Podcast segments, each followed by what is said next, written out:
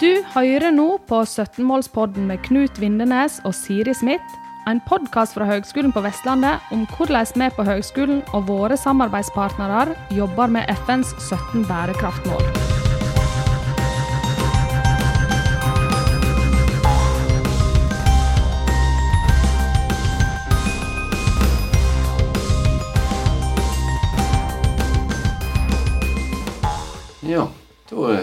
Vi med oss eh, denne gang professor Tobba Sudman. Hallo, hallo. Hallo, takk. Du er fra Institutt for helse og funksjon her ved Høgskolen på Vestlandet, du. Ja, stemmer. Veldig bra. Eh, og så er du, eh, sånn som jeg oppfattet deg i samtalen vi har hatt før, så er du veldig opptatt av bærekraft, men du har utrolig lite til overs egentlig for bærekraftsbegrepet. Altså begrepet bærekraft. Og så oppfatter jeg at du tenker Altså at du brenner veldig for tverrfaglighet. Eh, men du, du mener tverrfaglighet eh, Altså du mener at det er like naturlig som at vi puster nærmest. Og så har du meninger om tredje studio. Det kan vi også komme litt tilbake igjen til. eh, ja, altså fysioterapi og bærekraft i det. Hva, eh, hva tenker du da? Ja, det var jo det vi diskuterte når vi skulle snakke om å snakke om det. Og så har de jo en kjempeintroduksjon da, til en sånn bærekraftspod og si at jeg ikke liker bærekraftsbegrepet. Men det er jo det er ikke til at jeg har noe imot bærekraft i seg selv, men det er jo liksom blitt et ord som er nesten tomt. Sant? Altså Alle bruker det. Det er bærekraft på norsk eller sustainability på engelsk. og liksom Det må inn i annenhver setning hvis man skal bli tatt på alvor. Men da blir det jo meningstomt. Og så tenker jeg at eh, sånn i, i mitt liv og i forhold til fag og, og HVL, så er det kanskje vi skal bruke andre begreper som knyttes litt mer til liksom hva det faktisk handler om. Ja. Altså Hva er bærekraft? Altså, vi sier innenfor forskning også at det må operasjonaliseres, det må pakkes ut, det må oversettes, det må finnes noen ord som gir mening. Enten vi nå er studenter, eller vi er i praksis, eller vi skal drive med politikk, eller vi skal fordele de ressursene vi har. Ja, Men hva betyr det i din verden, da? Ja, er min verden. er bærekraft for meg det handler om eh, ressursforvaltning på den ene siden. Og helt sånn, eh, Selv om det er globalt, så er det sånn altså fordele liksom gleder og byrder og, og sykdom og helse likere. Så det er jeg veldig opptatt av. Altså sosial ulikhet i helse. Og så handler det om eh, å se på alt som lever, og området og på sin miljø rundt oss i sammenheng. Det som nå kalles én helse, som jeg syns er et mye bedre begrep enn bærekraft. Ja, men det, det begrepet må du si litt mer om. det, for at jeg, Selv om det er et etablert begrep, så, så forsto jeg, jeg det begrepet skikkelig først sist vi snakket. Ja. Eh, Så hvis du bare drar litt Ja, ja. Nei, altså en helse, Det er noe med at disse nye begrepene, enten det heter bærekraft Det var jo Gro Harald Brundtland for kjempelenge siden, da hun var i Verdens helseorganisasjon, som begynte å snakke om bærekraft, og da var det jo kjempespennende. Og nå har det gått jeg vet ikke hvor mange tiår, mer enn en generasjon. Gått lang tid. Det har gått veldig lang tid, og hvor mye vi bærer, og hvor kraftig vi bærer, kan vi jo diskutere. da, Men dette her med én helse har jo også kommet for noen tiår siden. Men det er Verdens helseorganisasjon sitt initiativ, det også, Ja. som sier at fordi eller ikke ikke fordi, men dersom vi skal overleve her, så må vi tenke litt videre enn å bare tenke på menneskene og sette oss liksom i sentrum for alt som skjer.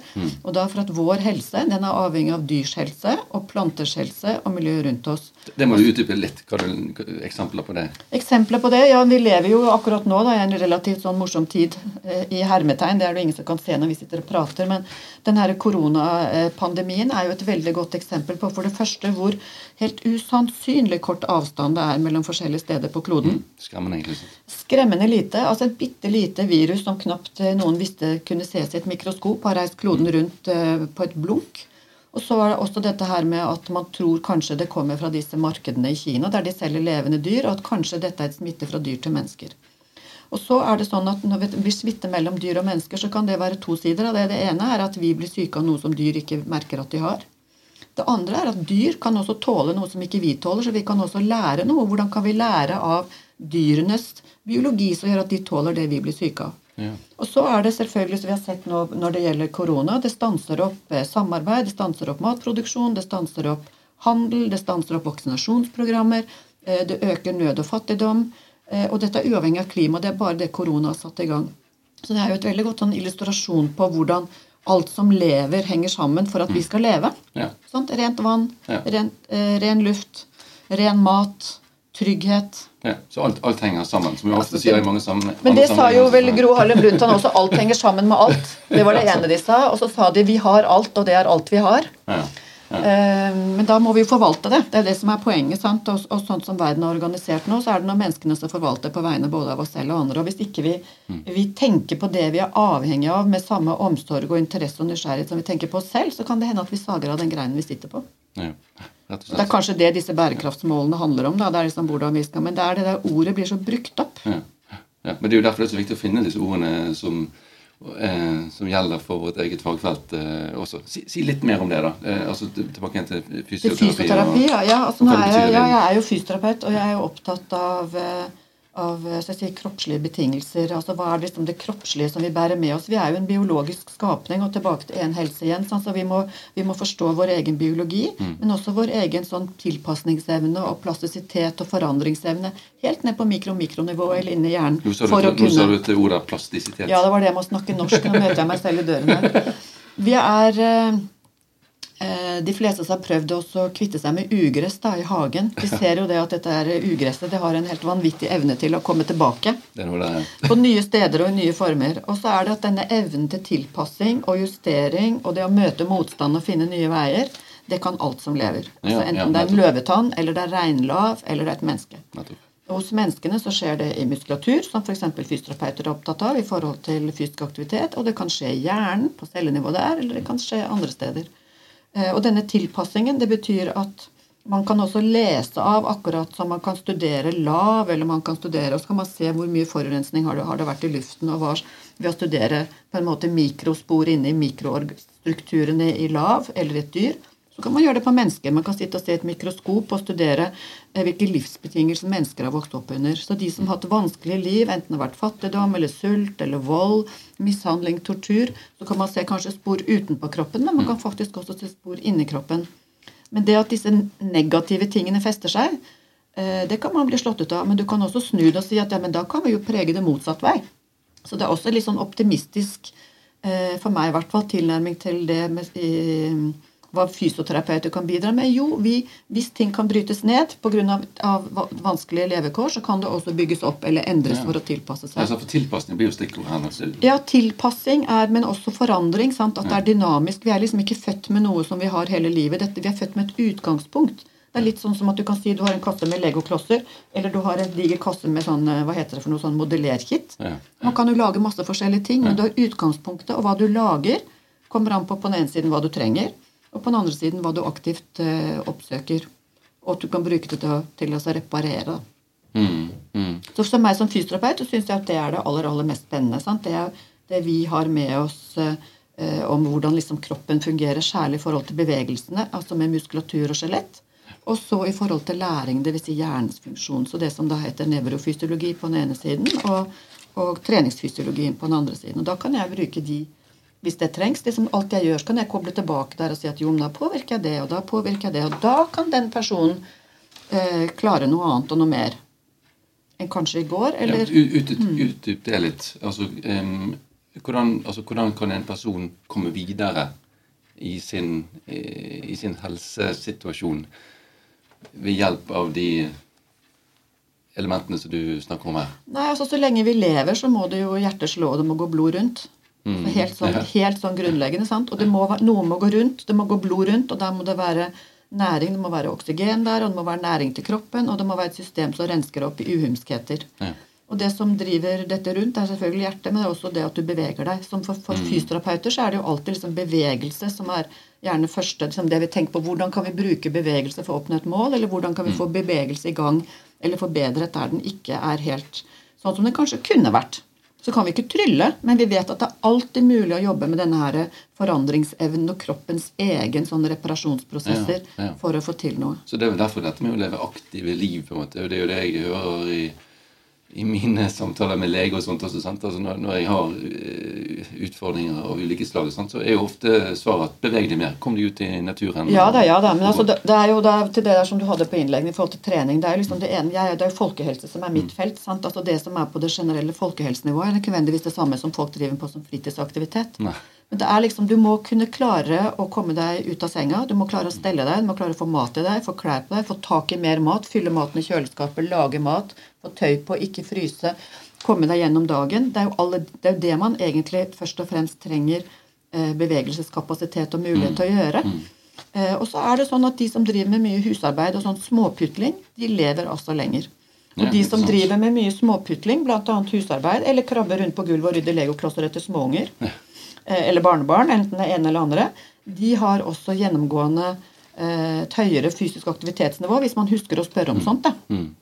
Enn de som ikke gjør det. Og det, er kanskje også det som gjør at Det er min lille sånn private spekulasjon. Da, at den der skjeve arbeidsdelingen, at kvinner tradisjonelt har hatt ansvar for husarbeid og hus og heim, de lever mye lenger. For de maurer på fra de står opp til de legger seg. Og i sånn folkehelseperspektiv så er det der å maure på da bedre enn å sitte sånn som vi gjør nå, helt stille sant? for å snakke om hvor fint det er å bevege seg. Ja, og Det er jo liksom akademias eh, selvmotsigelse. da. Vi sitter og snakker om hvor fint det er å bevege seg. Vi sitter på konferanser og sier at folk må ikke sitte mer enn 20 minutter, så er det tre timer mellom hver pause. Så det er jo til å le Men seg i hjel av. Så må vi innom. Ridningen også er jo en viktig del av din, Ja, både forskning ja, ja. og eh, praksis. Du har jo en bistilling, som vi så fint kaller det. Altså, Ja da. Eller sideverv, er det det det heter nå? Ja, Ja. 20 er det du har. Altså du har en stilling i tillegg til det du gjør på Ja, altså har, det er jo at jeg har eh, en klinisk stilling, da, sant? for jeg er jo fysioterapeut. Så jeg har, Ordet klinisk gjerne må stjele litt. Nei, jeg har, var det jeg skulle si. Ja, ok. jeg, jeg har pasienter, heter det da. Sant? Fordi at eh, når man er, Hvis jeg som fysioterapeut har noen i behandling, så heter de pasienter. Det er et juridisk begrep, så det er viktig. Ja. Eh, og det har jeg en gang i uka. Ja. Eh, og det som er mitt, eh, mitt eh, jeg håper å si, virkemiddel, det er jo ikke det, da. Det jeg bruker da som en sånn eh, partner, det er altså hester.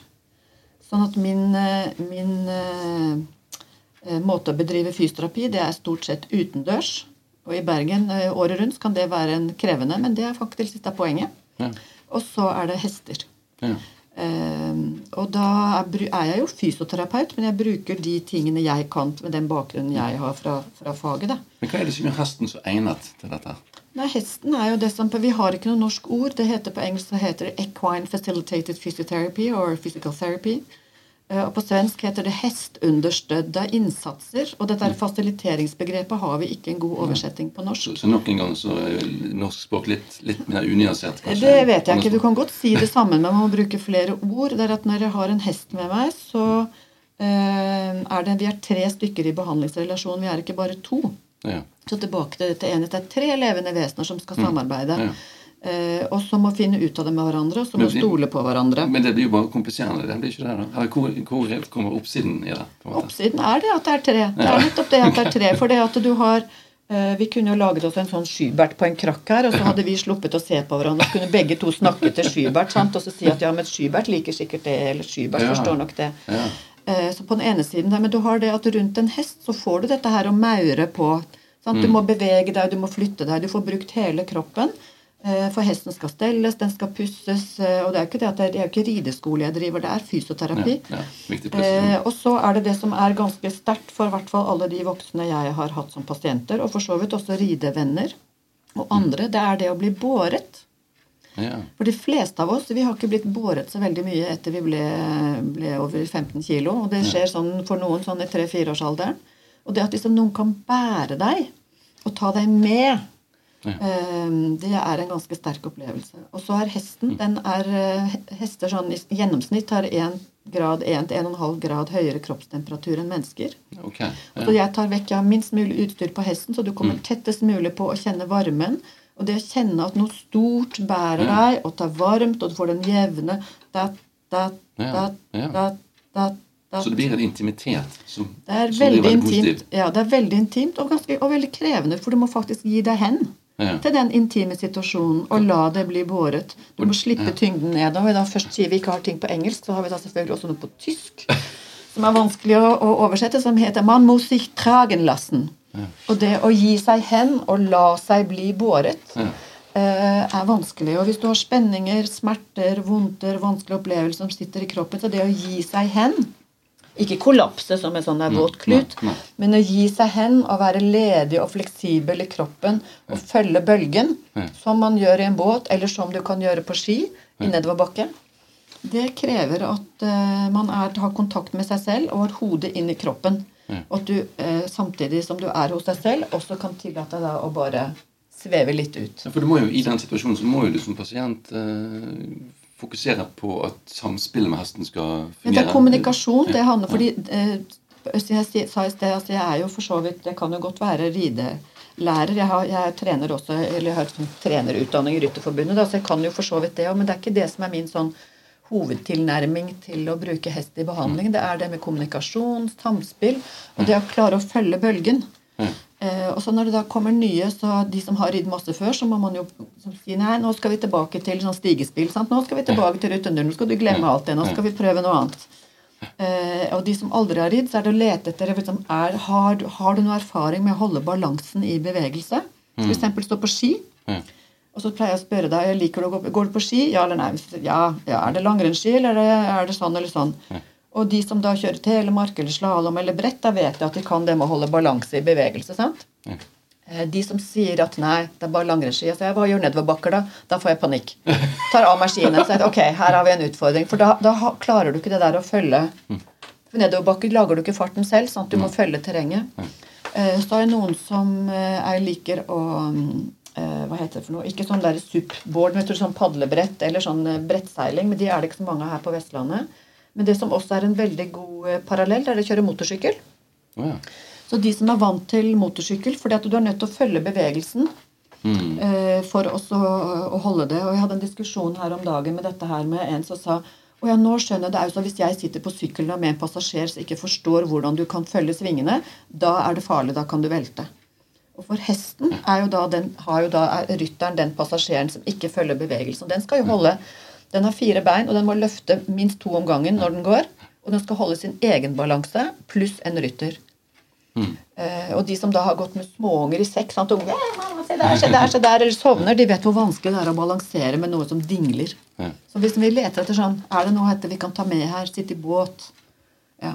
Hvordan virker dette inn, hvordan er samspillet mellom praksisen din med, med hesteterapi ja, og forskning?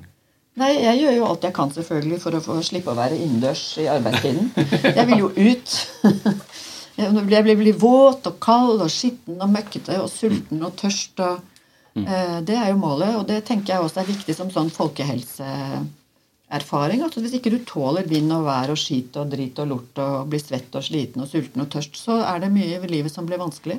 Ja. Og det sier jo også mange av de rytterne jeg har, at nettopp det å være ute og oppleve det, det gir noen ekstra erfaring. Noen har jo aldri gjort det. Jeg har aldri opplevd det. Mm, det interessant. barn eller voksne. Men du, du har vel noen forskningsprosjekt? Ja, det var det eh, du spurte om. eh, Ja, nei, jeg prøver jo å få hest inn i Den ene er den der, der jeg har pasienter, og så har jeg også prøvd å knytte det til til, til, eh, til eh, eh, forskningsaktiviteten min Ja. så godt jeg kan. Ja. Så de ulike prosjektene jeg har hatt som eh, har vært finansiert eksternt, har jo handlet dels litt om det. da.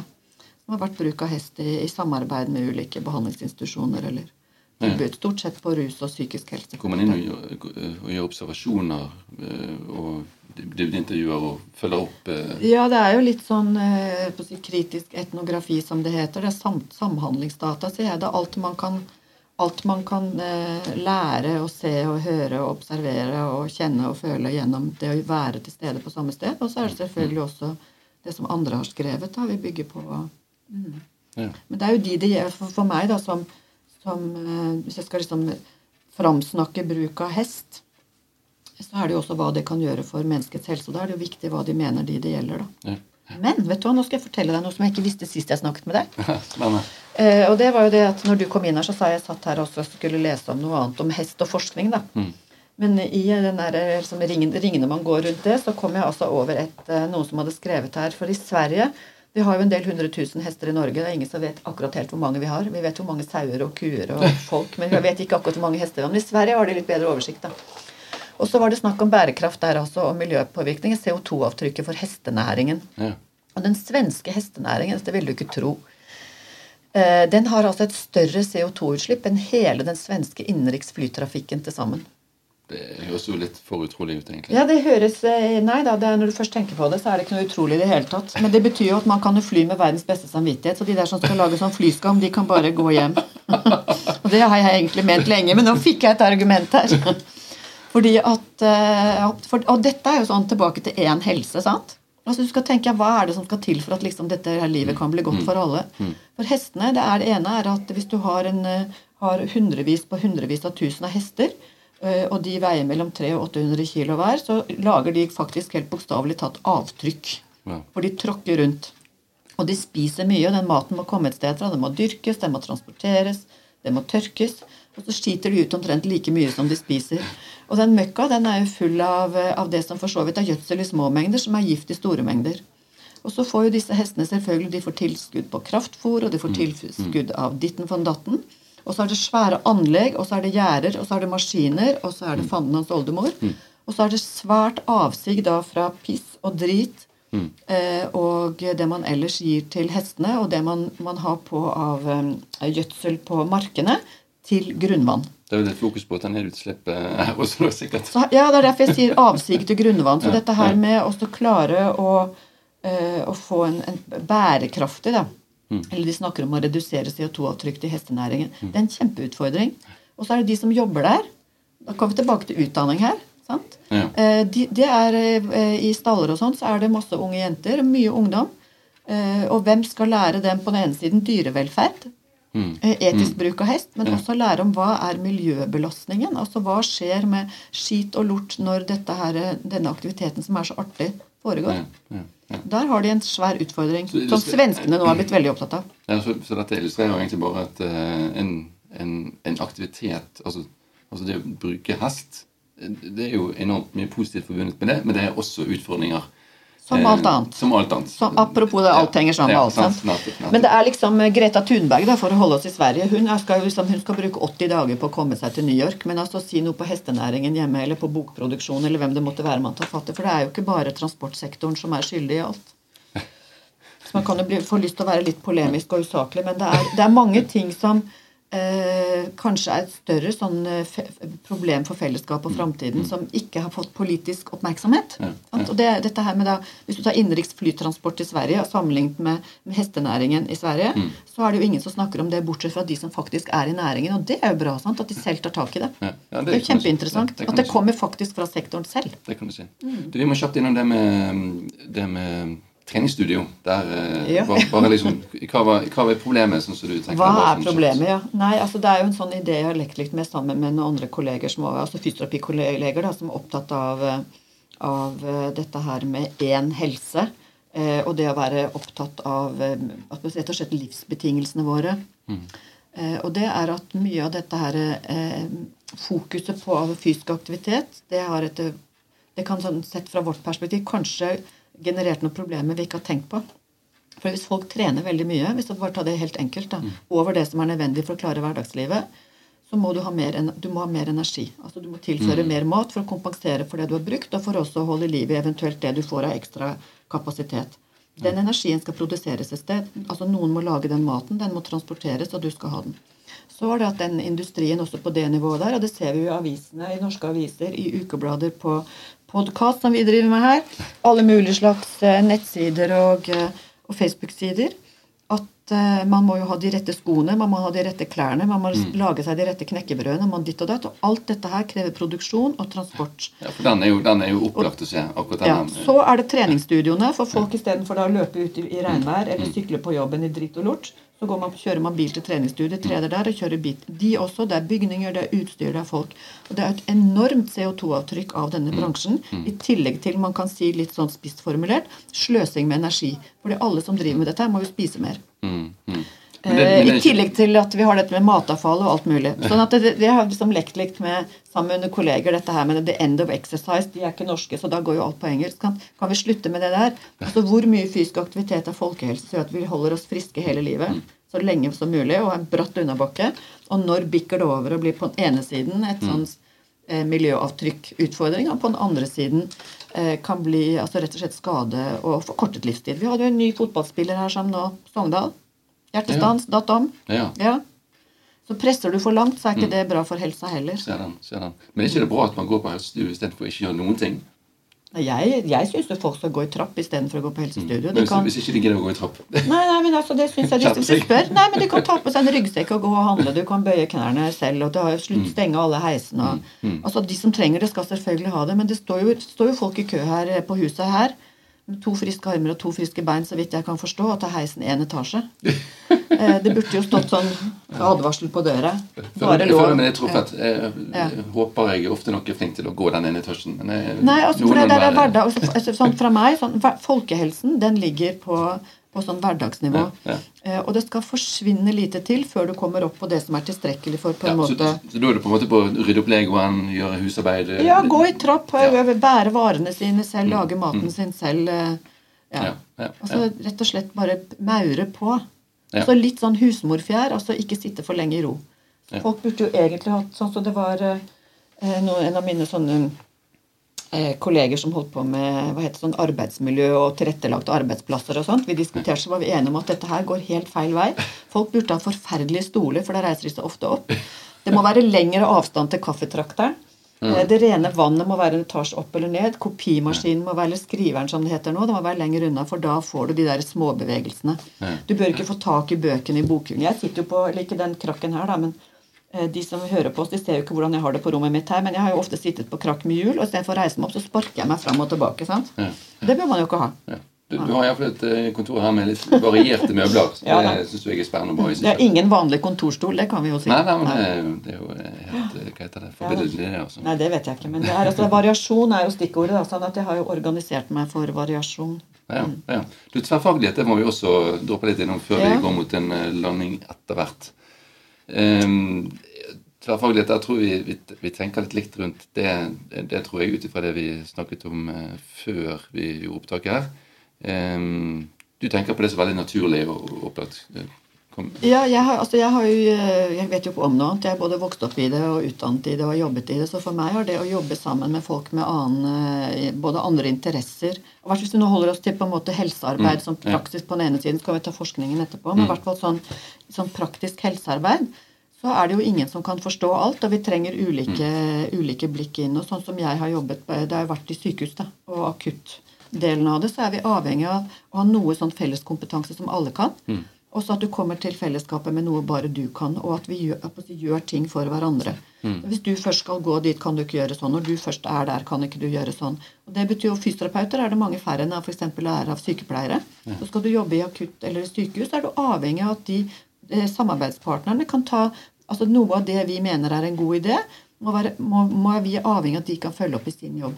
Men da må kanskje vi også ta noe for dem. Så vi kan jo ikke ha det var sånn, som et sånn eksempel på sånn som kunne generere, i hvert fall før jeg, skal, jeg aner ikke hvordan det er nå, men i hvert fall før kunne generere vanvittige diskusjoner. Sant? Skal fysioterapeuter levere et bekken eller ta vekk et bekken? Skal fysioterapeuter skifte på et laken? Skal vi kunne sette på et nytt plaster? Skal du kunne skifte på et sår? Hvem skal kunne gjøre hva? Og særlig det med bekken har jo generert masse diskusjoner. Og jeg aner ikke hvordan det er nå.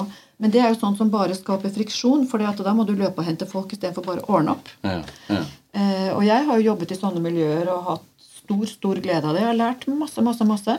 Og så vet jeg at andre har lært masse av meg. Mm. Så sånn eh, tverrfaglighet er ikke å jobbe ved siden av hverandre. Det er å, å dels overlappe og dels Dels dele. overlappe, altså arbeidsdeling. Ja, ja, ja, nettopp. Det er ikke bare det å jobbe i samme rom. sant? Nei, sånn parallelle linjer er jo ikke så interessant. Sant? Hvis man, jeg gjør mitt og du gjør ditt, men vi kommer i tur. Men at man kan kanskje få gjort flere. Og for de som dette her skal gjelde, det, det er jo pasientene våre, så vil det også bli mindre slitasje og mas og støy. Med at det er litt mer sånn sømløs Ja. eh, organisering og fordeling av arbeid. Men kan tver- tverrfaglighet gå på bekostning av eget fag? For meg? Nei. Tvert imot. Altså, jeg, jeg har jo skjønt hvem jeg er nettopp fordi at jeg måtte fortelle det til andre. Og så oppdage hva er det bare jeg kan. Eller bare Alle kan jo mye, men hva er det jeg er spesielt god på, som kanskje ikke de andre er like gode på. Og så har jeg lært noe om hva det de kan, som jeg bare sier det der. Som jeg, og det har jeg også gjort tidligere. Sant? Kan du gjøre sånn og sånn? Og så har jeg sagt at vet du hva? Det der det gjør sykepleierne 100 ganger bedre. Det er bare tull å be meg gjøre det, selv om det står liksom på en liste over hva man forventer fysioterapeuter kan. Jeg, er ikke noe flink. Hun som står der, han som står der. Det er tusen ganger flinkere enn meg. De kan gjøre det. Jeg kan gjøre noe Det er jo annet. en fin måte å si det på. Ja, men det er helt sant. Det er helt sant. Det er noe jeg vet at jeg er god på, og så resten, nesten alt er jeg veldig dårlig på. Og da er det fint at det er noen andre som er litt flinkere enn meg. Da. I hvert fall for de det gjelder. Jo, så pleier vi å, å snakke med gjestene våre om, om andre fagfelt eh, ja, her ved høyskolen som man eventuelt vil eh, løfte litt frem. Ja. Der nevnte vel du et. Jeg må jo få løfte frem det som er egentlig er jobben min. Da. Du sa at jeg er fysioterapeut, men eh, det har jo ikke sagt ut noe om hva jeg holder på med. For jeg har jo, sitter jo og er faglig leder for et doktorgradsprogram i, i helsefunksjon og deltakelse, som er litt sånn inspirert av litt sånn kritisk folkehelsetilnærming. Og det er jo et eh, doktorgradsstudie som er åpent for alle som har prosjekter som passer inn under, under denne paraplyen. Ja. Og ideen der, den, eh, vi begynte jo her med Én helse. Den ligger godt pakket inn her, men også det som er Verdens helseorganisasjon, som er et annet system, som heter ICF, som er en sånn internasjonal klassifisering av eh, funksjon og helse. Og der man ser alt da fra som jeg pleier å si, fra cellenivå til valgdeltakelse. Ja. Altså hvis ikke ting, og, og, diabetes er jo da et kjempegodt eksempel på det. Hvis ikke vi klarer å få regulert blodsukker og, og energiomsetning inn, inni cellene, så, klarer, så vil det til slutt påvirke både måten til å forstå og bevege og leve og overleve. Og man vil ikke forstå hva et stortingsvalg er som vi hadde nå i høst. sant? Sånn at den tverrfagligheten, Apropos spørsmålet ditt, det er jo egentlig det jeg både lever av og for og med. Så det er mitt daglige daglige oppgave som jeg har stor glede av. Det er Godt at jeg fikk det frem på slutten. Ja, nei, nei men det, du, kan, jo ikke skru av før jeg får sagt det. Og så er det det at Dette er jo vårt ph.d.-program som ligger på vårt fakultet for helse og samfunnsvitenskap. Og så har jeg også en, både vært med og, og, og bidratt til å få fram, og også har litt bidrag inn i det nyeste ph.d.-programmet vårt i, i, ansvarlig innovasjon og regional utvikling. Ja. Og Det er jo også et kjempegodt eksempel både på tverrfaglighet, ta opp nye utfordringer Eh, i forhold til bl.a. dette her som vi snakket om, med f.eks. det som heter bærekraft eller ressursforvaltning, som man gjerne kanskje snakker mye om der. Mm. For vi er opptatt av eh, teknologi og energi og klima, og, og også av offentlig samarbeid, offentlig, privat og frivillig sektor. Nettopp, nettopp. Før vi gir oss helt eh, Ditt personlige engasjement for bærekraft eh, du, du, du, har hatt, der, der har det vært ting lenge i ditt liv. Ja da, jeg er jo på si, som jeg sa til bærekraft har jeg jo knapt snakket om. Men altså, de har jo disse her, det er 17-målspodden, er det ikke det det heter her? Jo. Og så Den er jo blant annet, hvis jeg bare tar det punkt for punkt her, det, altså, mm. det handler om fattigdom og, og, sult og livskvalitet. Og dette her med sosial ulikhet, ulik fordeling av byrder og goder. Og jeg har vært opptatt av bestandig. Jeg har også vært veldig opptatt av hva er det som gjør at noen får mindre sosial verdi eller blir skjøvet ut mm. av eh, sosiale eller praktiske eller sammenhenger har lyst til å være. Eh, sånn som også genererer sosial ulikhet til helse. Eh, likestilling står her som nummer fem, mellom kjønn. Altså det med, med hvordan kjønn eller, eller, funksjonshemming eller etnisitet eller religion skaper forskjeller mellom folk og blir brukt. Det har alltid ligget mitt hjerte nær. og alltid Fra første gang jeg begynte å skrive, så handlet, har det handlet om kjønn. Mm. Altså betydningsbærende forskjeller som av og til får, eh, på, på, en måte virker negativt. Ja. Sånn at du får et dårligere utbytte. Når det gjelder én helse, jeg snakket her om ren luft, rent vann, ren mat. Det er jo flere av bærekraftsmålene her som handler om det. Både nummer, nummer 6, 7 og 8. Og når jeg er opptatt også av diskriminering og marginalisering, så er jo arbeidshelse og tilgang til arbeidslivet og utstøtningsmekanismer i mm. arbeidslivet vært en del av mitt interessefelt. Mm. Eh, vi var innom den nye ph.d.-graden vår her på eh, ansvarlig innovasjon og regional utvikling, som også er et av bærekraftsmålene. Industriinnovasjon, infrastruktur. Uh, ulikhet kommer igjen i mange av punktene her. Vi er opptatt av bærekraftige byer og lokalsamfunn. og Jeg har jo da vært, jobbet med samfunnsarbeid i 15-20 år, som handler, nettopp om dette med å, å, bidra til å utvikle fellesskap der alle får tilgang og sosial deltakelse. Enten det er et arbeidsmiljø, eller et bomiljø, det er virtuelt, eller det er et interessefellesskap, som da var nummer 11. Stoppe klimaendringene. Vi har snakket allerede flere ganger om én helse. Og vi har snakket om ICF. Vi har snakket om det som lever på land og i havet. Bare, bare si hva ICF Ja, Det sa jeg i sted, det med Verdens helseorganisasjon sin ja. for, forståelse, klassifikasjon av helse og funksjon fra cellenivå til valgdeltakelse der oppe. Nettopp, nettopp. Ja. Hav har vi snakket om. sant? Vi er opptatt av hester, vi er opptatt av fisk, vi er opptatt av fugler, fjell og levende fosser. Og det siste, som er nummer 17, da, det er du har mast om her flere ganger men det skal du jo bare fortsette med. Det var samarbeid for å nå målene. Ja, ja det, er stadig viktig. Det er mange som ja, nei, vi kommer jo spesielt opptatt av den. Ja, Vi får jo ikke mat på bordet hvis ikke folk samarbeider. De nei. kan jo godt hate hverandre, men man må faktisk samarbeide hvis vi skal få mat på bordet. Ja, ja. Og om det samarbeidet skjer ved tvang eller ved, ved betaling eller, ved, eller, som altruisme, det får nå så være. Men samarbeid må til. Ja, ja. Det er fint hvis man kan like det òg, da innimellom. Vil jeg tro. Var det kjekt? Det skader aldri. Nei, altså ha det litt artig, det tror jeg faktisk er litt viktig. Og så må man mm. tillate seg å le, og så må man tillate seg å ikke liksom få for mye sånn uh, angst og veltsmerts. Mm. Og så tenke at alle små bidrag er bedre enn ingenting. Ja, ja. Om vi går til, tilbake til fysisk aktivitet og helse og folkehelse alt er bedre enn ingenting. Ja. Hvert trappetrinn, hver trapp, hver gang du går i litt ulendt terreng, hver gang du går ut, hver gang du gjør noe du ellers ikke ville ha gjort, så Så er det på så det er egentlig plusskontoen. en seier på plusskontoen. Ja, og det er jo sånn, hvis vi bare skal slutte med liksom sånn, opp, sånn, ja. for noe, sånn eh, oppbeat, men sånn opptone, da. Ja. At det er ikke sånn tilbake til fysisk aktivitet at man må ha dose sånn og sånn x antall ganger i uken på det og det intensiteten hvor det skal virke. For at hvis alternativet er null, så er alt bedre enn ingenting. alt er bedre enn ingenting. Absolutt alt er bedre enn ingenting. Og vi tåler mye, eh, men vi kan klare mye òg. Ja. Det er greit å ha litt ekstra penger i banken, har vi lært, i tilfelle vaskemaskinen ryker. Det er også greit å ha litt ekstra ressurser i kroppen Ja. hvis man blir syk. Så det å holde liksom eh, kapasiteten på et sånn noenlunde sånn eh, midtnivå, så har du liksom litt å gå ned hvis du blir dårlig. Men ligger du i bånn og blir dårlig, så ligger du dårlig. Ja. ja. Det vaskemaskinbildet tror jeg alle tar. Ja. Ja, Eller tenner, da, pleier noen å si. Sant? En tannlege eller en over vaskemaskin. Men Det liksom skjønner vi at vi må, men vi bør egentlig ha litt ekstra kapital i kroppen nå. Ja. ja. Kjempebra. Men ikke på olympiatoppnivå. Det Nei, det, det, det tror jeg vi også har tatt med oss det poenget. Ja. Det er ikke nødvendig å gjenta det, mener du? Jo da, det kan ikke gjentas for mye. Sånn Ja, ja. Nei da. Alt er bedre enn ingenting, og det er lov å le, og det er lov å ha det gøy, selv om mye er vanskelig. Ja. det med, det med gøy i seg sjøl, den, ja, den, den kan ikke Ja, det, det er jo, den må vi applaudere. Ja. Lek og gøy. Ja, nei, det må vi, ellers så kommer vi ingen vei. Nei, nei.